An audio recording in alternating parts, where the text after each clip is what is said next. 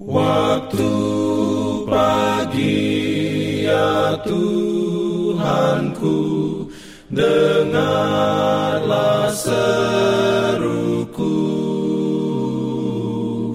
Melayang doa yang sungguh Memandang padamu Selamat pagi pendengar Radio Advent Suara Pengharapan.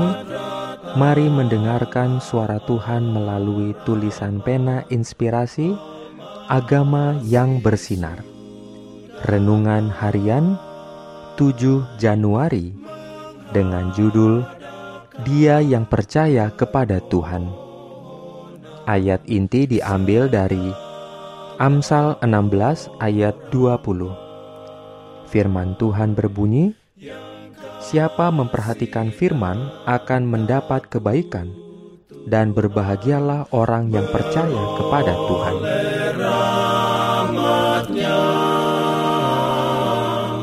Diberikannya perlindungan dalam pimpinannya. Urayanya sebagai berikut.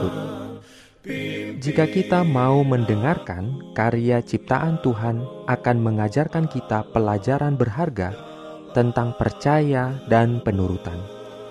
Dari bintang-bintang yang bergerak dari zaman ke zaman dalam lintasan tak terlacak di luar angkasa menuju ke lintasan yang telah Allah tentukan hingga kepada atom yang terkecil, benda-benda alam ini mematuhi kehendak Sang Pencipta.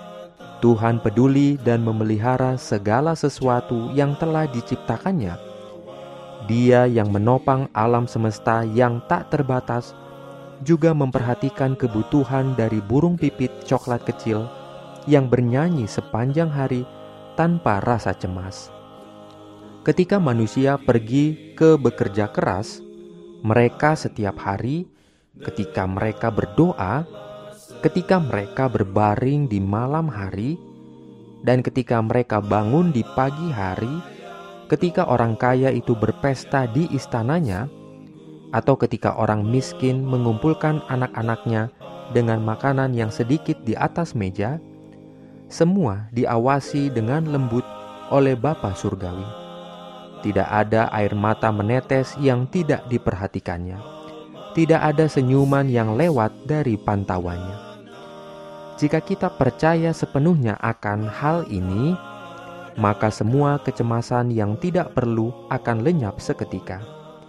Hidup kita tidak akan dipenuhi dengan kekecewaan seperti sekarang ini, karena segala masalah kita, baik besar atau kecil, akan diserahkan ke tangan Allah yang tidak bingung oleh karena banyaknya masalah atau kewalahan oleh beratnya persoalan. Kita kemudian dapat menikmati damai sejahtera yang menjadi kerinduan banyak orang.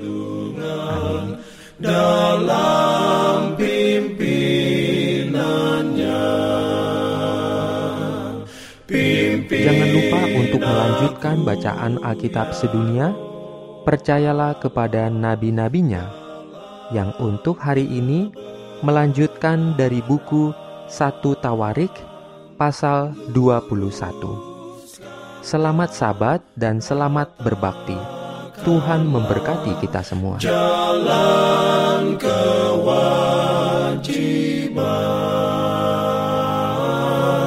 jalan keselamatan.